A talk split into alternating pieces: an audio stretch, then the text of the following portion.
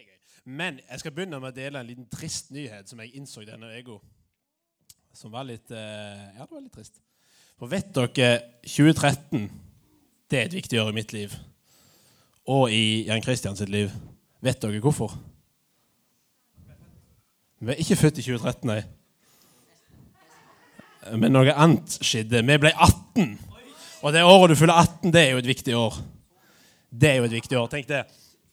Og det som jeg innså denne uka, for jeg har alltid tenkt at definisjonen på gamle folk, liksom på skikkelig gamle folk, det er de som eh, for å føle seg unge, så går de på sånn her We Love the 90s-greie, eller We Love the 80s, der de liksom får høre på den musikken fra sine glansdager. Når, når de, når de sjøl var unge og, eh, og kule beats og kule hits. Og vet dere hva jeg gjorde denne uka? Som gjorde at jeg innså at jeg er blitt gammel. For Jeg gikk på Spotify og så søkte jeg 2013, altså det året jeg var 18. Og så fant jeg fram en liste som heter Top Hits of 2013. Og det er jo eh, Men jeg skal, jeg skal vise dere, for 2013 er et sykt bra musikkår. Jeg lover dere. Det året så har du f.eks. Avicii med 'Wake Me Up'. Det er jo en dødsbra sang. Du har Skal vi se, nå har jeg mista den. Der er han Top Hits of 2013. Søk den opp. Du har 'Locked Out of Heaven' av Bruno Mars. Har dere hørt den? Den er nice. Du har 'I Will Wait' av Mumford Sons. Dødsbra. Det har dere sikkert ikke hørt. Det har Ho Hey av Lumineers, som dere garantert ikke har hørt. Um, det er noe Taylor Swift her, det er noe Macclemore Det er sykt mye bra. Sykt mye bra. Uh, så hvis dere trenger en bra liste med masse bra sanger, så er Top Hits 2013 uh, en bra plass å begynne. Jeg lover dere. Var ikke det en deilig intro? OK. Du, så nå har jeg sagt at jeg er blitt gammel, og det er litt sånn det er. Men det går fint. I dag skal vi snakke om noe som jeg har hatt det veldig gøy når jeg er forberedt. For vi skal nemlig snakke om avgjørende øyeblikk, og hvor fillen det er for noe. Eh, og når jeg begynte å jobbe med dette, så fant jeg fort ut at denne, en sånn klisjépåstand om, om, at livet består av de små øyeblikk, eller 'life consists of the small moments', eller 'the small things', bla, bla, bla. Dere har garantert hørt det før, eller du sitter på en kaffekopp, eller du sitter på Instagram, eller noen captions-greier. Og jeg tenker egentlig først og fremst at det er sånn cheesy greier som, eh, som kanskje mødrene som er sånn, De som sier de er 39, og så er de egentlig, eller kanskje sier de er 29, og så er de egentlig 43.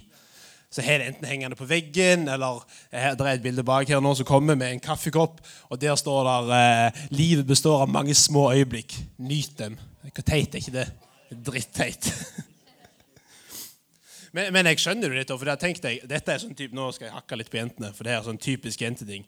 At du går på stranda, du har med deg piknikkorga di, der er du oppi, du har pledd, du har kanskje en sovepose, for det kommer til å bli litt kaldt, du har med deg jordbær, kaffe eller kakao. Og så skal du sitte og vente på solnedgangen. Og så når solnedgangen kommer, så tar du liksom det perfekte bildet til Insta. Og så Det perfekte bildet det krever jo selvfølgelig den perfekte caption, eller den perfekte teksten. Og når jeg søkte opp det, så fant jeg et par. Jeg skal lese blant annet her. Life is made of moments. Choose to create and collect the happy ones. Eller Life is made up of years that mean nothing and moments that mean it all. Eller den siste. Life consists only of moments. Nothing more than that. So if you make the moment matter, it all matters. Steige. Her er det mye heftige, mye heftige påstander. Og jeg tror egentlig de aller fleste av dere kan, kan kjenne seg igjen. Så den første påstanden min jeg, jeg, skal komme med et par påstander i dag. Den første påstanden min, som egentlig ikke er min påstand, men det er Instagram sin påstand, eller eh, Internett sin påstand, det er at livet består av øyeblikk. Og Det er jo en sånn grunnleggende ting som vi, kan sikkert være enig i det. For det er, ikke, det, så, det er, ikke, så, radikalt eller så revolusjonerende. Men min påstand, da, som jeg ikke har jobbet videre for det, det er at livet består av små øyeblikk. ok, det er greit. Men i livet så vil vi òg møte noen avgjørende øyeblikk. Og hva søren er et avgjørende øyeblikk? Er ikke definert det som at det er øyeblikk eller valg som du tar, som får store konsekvenser. Altså viktige ting, viktige valg du tar, som får store konsekvenser for hvordan, livet ditt blir etterpå. F.eks. den dagen du sier ja til den du skal gifte deg med. Livet ditt endrer seg totalt. Du må plutselig forholde deg til en annen person og ta hensyn til den. Du trenger ikke bare tenke på deg selv. Eller den dagen du blir far eller mor for første gang. Da er det ikke bare den der personen som du har lagd den ungen med, du skal passe på, men du skal også passe på den lille ungen. Plutselig er det flere folk du skal passe på. Eh, og tenke på andre deg sjøl. Eller for, eksempel, for å ta eh, for å ta noe som er litt nærmere. Den dagen Maria ga etter og sa ok, Sondre, vi kan få hund, det går greit. Og hun fikk en hund som heter Billy, inn i livet sitt. Eh, og Jeg snakket litt med Maria i går når vi var på kontoret, og da fortalte hun det at i går på fredag så hadde hun stått opp halv sju for å gå på tur med den der dumme hunden før snekkeren skulle komme. Og jeg vet ikke med dere, men det er ikke den Marie jeg kjenner, iallfall. Så jeg tror vi kan være enige at det, det, det må ha vært et avgjørende øyeblikk i Marie sitt liv at hun sa ja til at eh, ok, vi skal få en hund som heter Billy. Så snill, så god kone. Skal vi gi en liten applaus til Marie for det? Tenk det.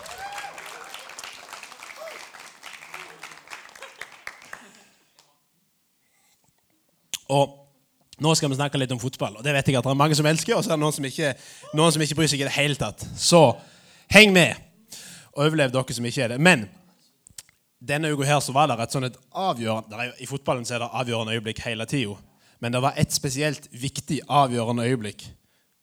Og det her med sesongen som er inne i nå, april-mai, det er jo egentlig beste sesongen for fotball. fordi at Premier League eh, nærmer seg en avslutning. Det er bare sånn fire-fem kamper igjen. eller noe sånt. Ting begynner å spisse seg til.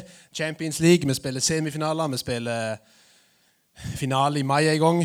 Dødsspennende. Og ingen tvil om at mine beste fotballminner de kommer fra Champions League. Det er dødsgøy. Og spesielt, spesielt når Leopold vinner. Spesielt når Leopold vinner.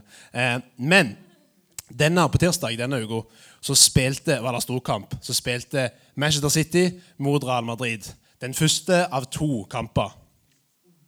Og det som er greia her, det er det at eh, hvordan resultatet av første kamp For det er ikke så fryktelig viktig hvem som vinner. Men det som er viktig, det er at hvis du taper, så må du ikke tape med en høy målforskjell. For hvis du taper med en høy målforskjell, så setter det mange der, liksom, om hvordan neste kamp blir. Fordi at eh, Hvis City vinner 4-0 og leder med fire poeng, så legger de seg bare bakpå og så bare forsvarer de, og så, og så blir det en dødskjedelig kamp. Men hvis det er tight, så, så er ting ennå åpent. Så derfor Det viktigste her, det var det at det ikke ble høy målforskjell imellom, imellom de to lagene. Og så, og så, begynner denne kampen, da, og så skjer det som absolutt ikke må skje og skal skje. For allerede etter 11 minutter så har City skåret to mål og leder 2-0. og Det er jo krise. Og tenker jeg, det er kjedelig. Jeg satte ikke på kampen før kvart over. Og da var det allerede to mål. Så jeg tenkte, ah, dritkjedelig, dette blir en gør kamp. Men det ble dødsspennende. Og når klokka viste sånn ca. 80 minutter, så hadde det blitt 4-2. Masse mål er blitt skåret inn. Eh, og det som skjer da, det er det at det blir avblåst for straffe. Et helt avgjørende straffe. Et helt avgjørende straffe som har alt å si. fordi at Hvis Real Madrid klarer å skåre på denne straffen, her, så ligger de bare unna med ett mål. Hvis de klarer å dra det helt inn. Og det er så sykt viktig når du kommer til returkampen. Eh, og så er det en jeg, Nå skal jeg få litt hjelp her. for nå skal vi se, Heter han Benzema, eller heter han Benzema? Emil sier Benzema. Da sier jeg Benzema. Jeg, bare, jeg, ville bare få litt støtte, for det er mye enklere å si Benzema. Men Benzema, en gammel fransk mann, som han egentlig er, han skal ta denne straffen her. Og det som er litt interessant, er at de to siste straffene han har tatt, det har han bomma på. Og så skal han ta denne viktige, avgjørende straffen. Eh, og det som òg skjer rett før, som dere som så kampen så, det er at alle de her ekle For det er noe av de ekleste altså De elsker Gud, de òg, men, men, de er litt lenger nede. De ekle City-fansene.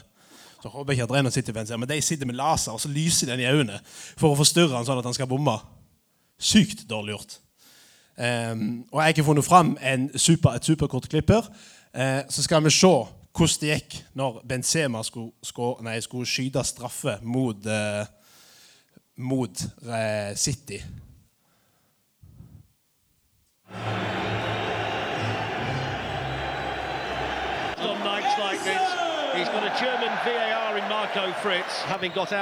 Det kan hende du må spole litt. Det var fra 3.50. Det er ikke sikkert vi gidder å se hele Jeg har ikke mer tid til det. Jeg er ikke så mye bra på hjertet. Men ifra 3,50 tror jeg det var. Og Og nå skjer det ting her.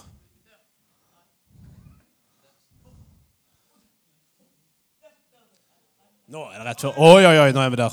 OK.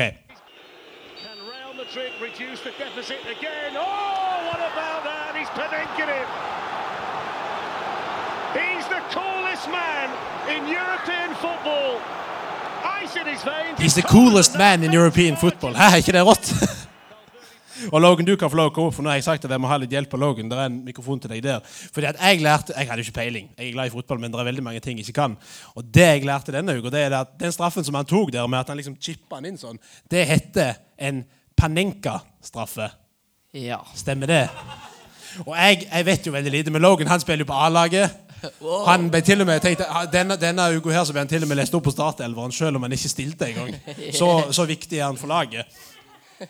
Så det jeg lurer på, Kan du bare si noe? Er dette liksom, er det drøyt? Er det vilt? Er han liksom, er han the coolest man in European football når han gjør det? He is the coolest man in European football.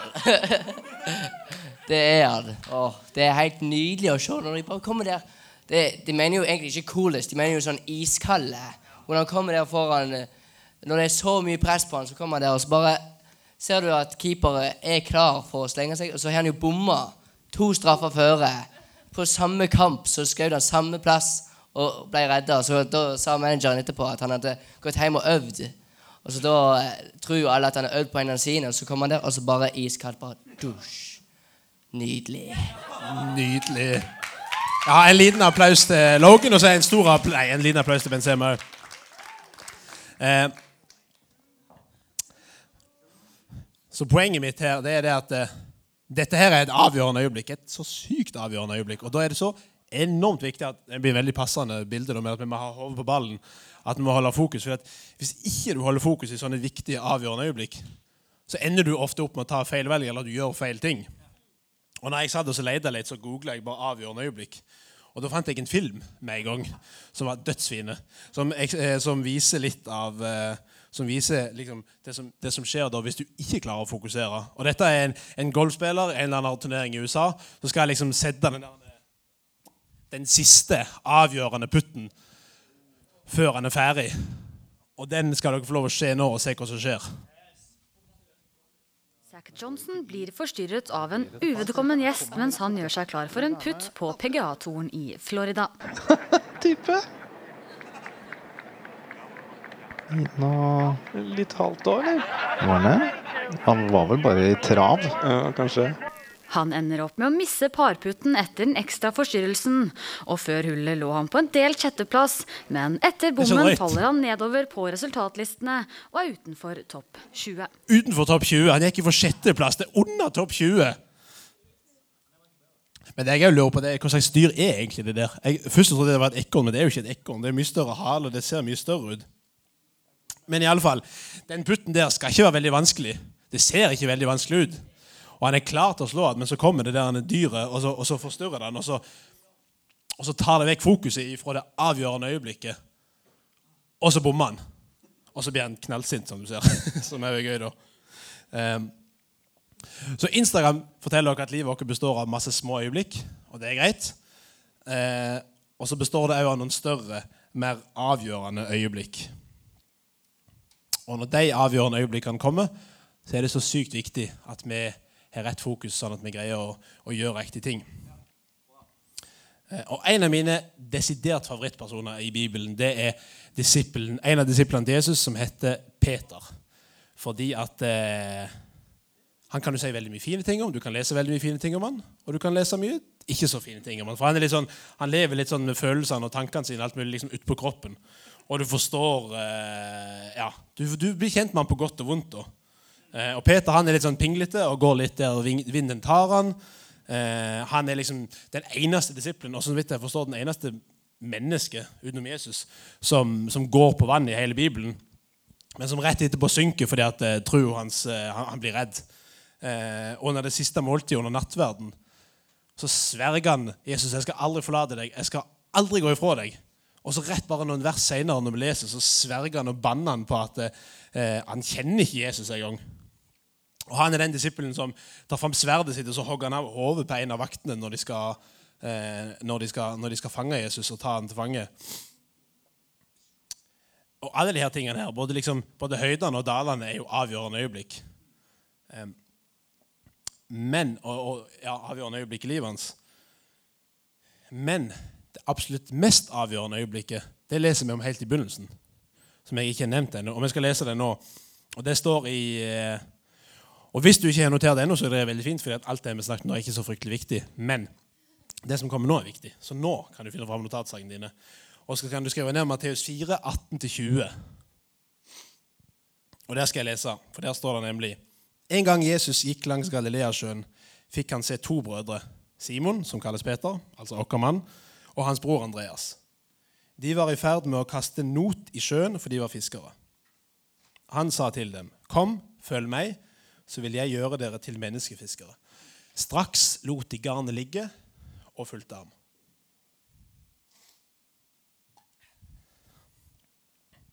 Og her er min påstand, da. Den, er det kanskje den tredje jeg kom med i dag? Jeg vet ikke helt. jeg tror det. Den tredje påstanden min at det, det aller mest avgjørende øyeblikket i Peters liv det er ikke alle de tingene som jeg snakket om tidligere, men det er det som skjer her. Det er det når han svarer og responderer på invitasjonen fra Jesus om å følge meg. Bli med meg. Um, og når jeg leser den tanken, Nå skal dere få tre korte punkter, liksom korte og konkrete punkter som jeg bare tenkte på når jeg, når jeg leste denne teksten. Så da kan du bare liksom ta notatboka di så kan du skrive én. For det første punktet det er det at Jesus han møter deg der du er. For det som jeg kan lese her, det er det at eh, Peter og broren Andreas de er i ferd med å kaste garnet sitt i sjøen fordi de er fiskere. naturlig nok. Eh, og midt i denne helt vanlige hverdagen så kommer Jesus. Midt i det som de holder på med, deres ting, det de er opptatt av, så kommer Jesus. Og det, jeg vet ikke om dere vet det, men det er totalt annerledes enn hvordan det egentlig var. Fordi at egentlig så er det sånn for jødene som, som de her er, da, at de må passe på når de skal være med Gud, så må de passe på at de vaska seg riktig, at de har rensa seg, at de har spist de riktige tingene, eh, at de ikke har vært med feil folk, sånn at de er blitt ureine. Det er en haug av sånne ting de må gjøre og krysse av. Og så kan de komme til Gud, og så kan de komme til Han. Men Jesus flipper på det. Istedenfor at de må gjøre seg klar, og at de kommer til Jesus, så er det når Jesus som kommer og møter Peter der han er i sin hverdag, i sine helt, helt vanlige ting. Så Det første punktet er at Jesus han møter deg akkurat der du er. Og Punkt nummer to det er det at når du møter Jesus, og når du takker ja til denne invitasjonen om at jo, jeg har lyst til å følge deg, så vil prioriteringene dine endre seg. Og Jeg har alltid syntes at uh, svaret til Peter er så fint når, når Jesus spør, fordi at Jesus sier 'følg meg'. Og det som vi leser rett etterpå, det er at straks lot de garnet ligge og fulgte ham. Så prioriteringen deres blir snudd på hodet. Jeg er ikke noe Min bestefar han var fisker, men jeg er ikke fisker. Men jeg kan bare tenke meg at det er garantert tusen ting de egentlig skulle gjort. De skulle sikkert dratt opp båten, de skulle ha festa den, kanskje de skulle ha beisa sjarken, kanskje de skulle ha eh, sikkert bøta garnet. Det er sikkert masse ting som de egentlig burde gjort før de gikk videre. Men de gjør ikke det. De bare liksom legger vekk alt, og så følger de Jesus. Og En annen ting som er litt enkelt å glemme, kanskje, det er det at, eh, det at de er fiskere, det yrket deres. Det vil si at det, det greien her, det representerer hele tryggheten. Det representerer måten de får mat på bordet, måten de får klær på kroppen, måten de får penger, måten de klarer å overleve på. Det er hele tryggheten deres. Og dette gir de òg avkall ifra når de liksom velger å følge Jesus. For da går de vekk ifra det. Jesus, jeg stoler på deg. Jeg stoler på at du skal ordne de tingene der. Og jeg vet ikke hvordan, Det er vel helt sikkert altså, ulikt for, de, for, folk, men, men, kanskje det betyr at uh, istedenfor at du er litt sånn der ah, 'Lørdag skal jeg gå på Betania. Skal jeg ikke?' Så blir det kanskje sånn Jo, men det skal jeg gjøre. Det er viktig. Fordi at uh, jeg ikke velger å følge Jesus, og jeg vet at, uh, jeg vet at Betania er en bra plass for meg å være når jeg ikke vil det. Og det siste punktet mitt, som er ikke sånn super happy-clappy, men uh, like fullt uh, veldig sant, det er det at livet ditt blir ikke perfekt. og Det er ikke sånn at du slutter å gjøre feil når du, uh, når du, når du begynner å følge Jesus. For det hadde jo vært deilig hvis historien om Peter var en historie om en, en sånn vinglete type som ikke får livet til, og så blir han kjent med Jesus. Og så blir livet fint, og så blir det liksom en dans på rose, eller ja, han går rundt på en rosa sky.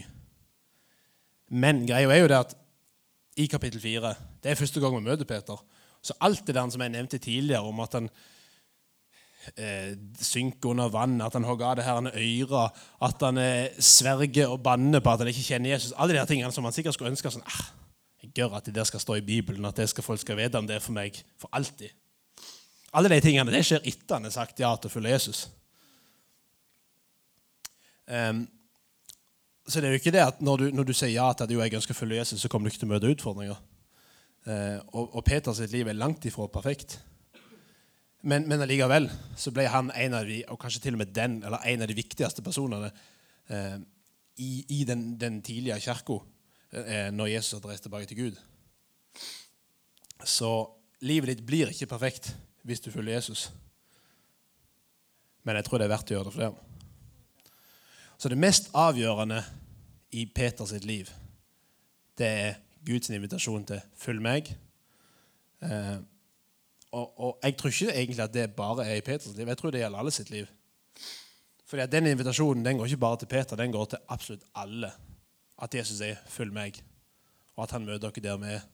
Og så er det opp til dere hva vi velger å svare. Og helt til slutt, fordi at vi snakker om eh, i disse to månedene så har vi snakket om troshistorier. Og vi har snakket om eh, folk i Bibelen, og det er folk som har delt vitnesbyrd på søndagsmøtene, som har vært superkult. Så jeg tenkte at jeg hadde lyst til å dele med dere den dagen jeg bestemte meg for at ok, Jesus, jeg har ikke lyst til å følge deg. Fordi at det er jo det mest avgjørende øyeblikket i mitt liv. Så da er det jo bra at jeg kan dele det. Eh, og det skjedde sommeren som jeg skulle begynne i 9. klasse. Det vil si at jeg var akkurat så gammel som noen av dere. 13-14 år. Skvatt nede i hjørnet der. Um, det er en deilig alder å være i. Men i alle fall, vi var på leir på Lunden, som òg mange av dere har vært før. Dette er jo supergjenkjennbart. Dere har jo gjort det alt i hop. Um, og back in the days, når uh, de som talte utfordret at jeg har lyst til å bli kjent med Jesus, jeg har lyst til å begynne å følge Jesus, så var det ikke sånn som vi gjør det. Dere vet jo at vi lukker øynene, og så er vi helt stille, og så er det kanskje noen som rekker opp hånda, og så, og så er det fint. Det er fint. Det er bra.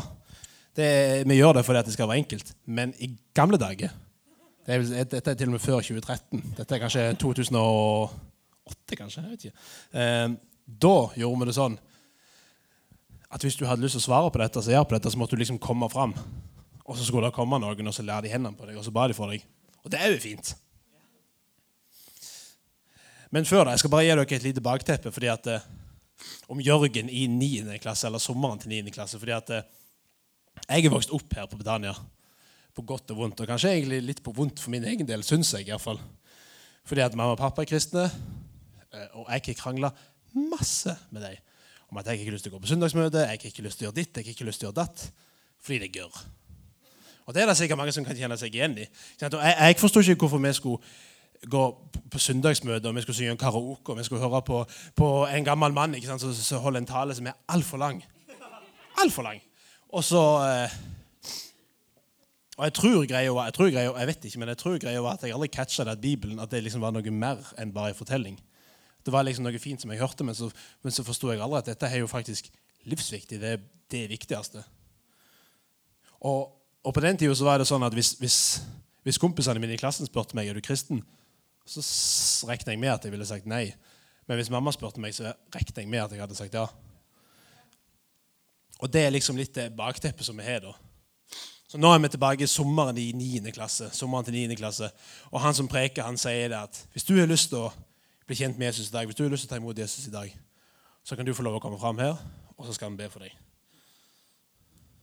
Og Det virker jo ikke som at jeg er kristen, på det jeg har sagt. Og jeg tror ikke at jeg var det. Så jeg står liksom der og så krangler jeg med meg sjøl og så tenker jeg sånn Er det her teit? Dette gidder jeg ikke være med på. Dette er bull. Jeg vet ikke om jeg sa bullshit, da, men eh, det var iallfall det jeg tenkte. Så står jeg der og krangler litt med meg sjøl, og, og, og, så skjer det ikke noe. Og så, og så går det litt til, og så, så, spiller de litt, og så, sier han det en gang til. Og så plutselig begynner jeg å kjenne at eh, hjertet begynner å dunke. Noe sånn der eh, voldsomt. Skjønner for det? Sånn. sånn. Det, begynner, å dunke. Og så tenker jeg, Hæ? Hva er det her for noe? Hvor fillen? Hvor søren? Hvor i alle dager? Jeg begynte å si hvor fillen, for det sier Sondre. Og så krangler jeg bare enda med meg sjøl. Sånn, dette har jeg aldri opplevd før. Dette er teit. Dette har jeg iallfall ikke lyst til, å, eh, lyst til å gjøre noe med. Så står jeg der og krangler med meg sjøl, og hjertet dunker. Det føles nesten som at det skal hoppe ut av brystet på meg. Helt sånn der merkelig opplevelse som jeg aldri har opplevd før, og aldri faktisk har opplevd siden. Helt, helt bisart. Så, jeg, så har jeg en sånn der en rasjonell på en måte, diskusjon inni hodet mitt. Så ender jeg opp med at okay, dette har jeg aldri opplevd før. Jeg vet ikke hva det er for noe så, så, kanskje jeg skal prøve. Kanskje jeg bare skal se hva som skjer. For eksempel, hva er det verste som kan skje? Det er en eller annen dude som, som ber for meg, og så er det litt kleint. Men det går sikkert fint. Og så går jeg fram, da. Og så kommer det en av de litt eldre ungdommene. Og så legger han ei hånd på skulderen min, og så begynner han å be. ikke sant? Dette er jo heller ikke ukjent for dere. Dere kjenner jo til det. Men det som var så merkelig, som jeg ikke var forberedt på, det hele tatt, det var det at idet han begynte å be for meg, idet han la hånda på meg, så begynte, for et eller annet som skjedde, så begynte bare tårene mine å trille. Noe så sinnssykt. Helt merkelig. Og dette, har jeg heller aldri opplevd etterpå. Men tårene mine begynte å trille, og, og det ble liksom kjempebløtt. Og jeg tenker liksom sånn ikke sant? Hva i all verden har jeg gjort? Hva har jeg gjort? Hvorfor gjorde jeg dette? Kunne aldri tenke meg en villeste fantasi at jeg skulle stå der og begynne å grine. Og så eh, så fortsetter han å be, ikke sant? og det blir bare blaudere og blaudere. Jeg står liksom og så ser jeg ned, og så ser jeg det at øynene begynner sånn sokkene mine blir bli blaute. Og, og, det her er liksom ah, Hvorfor gjorde jeg dette? Min greie var det at det ble et sånn et utrolig sterkt møte med Gud. Et deilig, det ble et avgjørende øyeblikk der jeg sa ja til at Gud, jeg har ikke lyst til å følge deg. Jesus, jeg har ikke lyst til å følge deg. Og det, og det, var så merkelig, det var så spesielt at, at etter møtet så, så, så, så, gikk jeg på rommet og så var jeg alene. For det, det, gjorde så inntrykk på meg. Det var så sterkt. Eh, og jeg har aldri opplevd det etterpå på den måten. Og så sier ikke jeg dette, ikke for dette er ikke fasiten på hvordan Gud møter folk. for det er litt viktig. Eh, dette er min, og Jeg vet ikke hvorfor, kanskje, jeg tror kanskje det var fordi det var det jeg trengte. Kanskje det var det jeg trengte for å, for, for å komme der. Og når vi leser Bibelen, så er Bibelen full av historier av folk som møter Gud på ulike måter. Og Hvis dere spør noen av de som er litt eldre her, så får du garantert like mange svar som det er folk. Fordi at Gud møter dere der vi er, han møter dere sånn som vi trenger å bli møtt.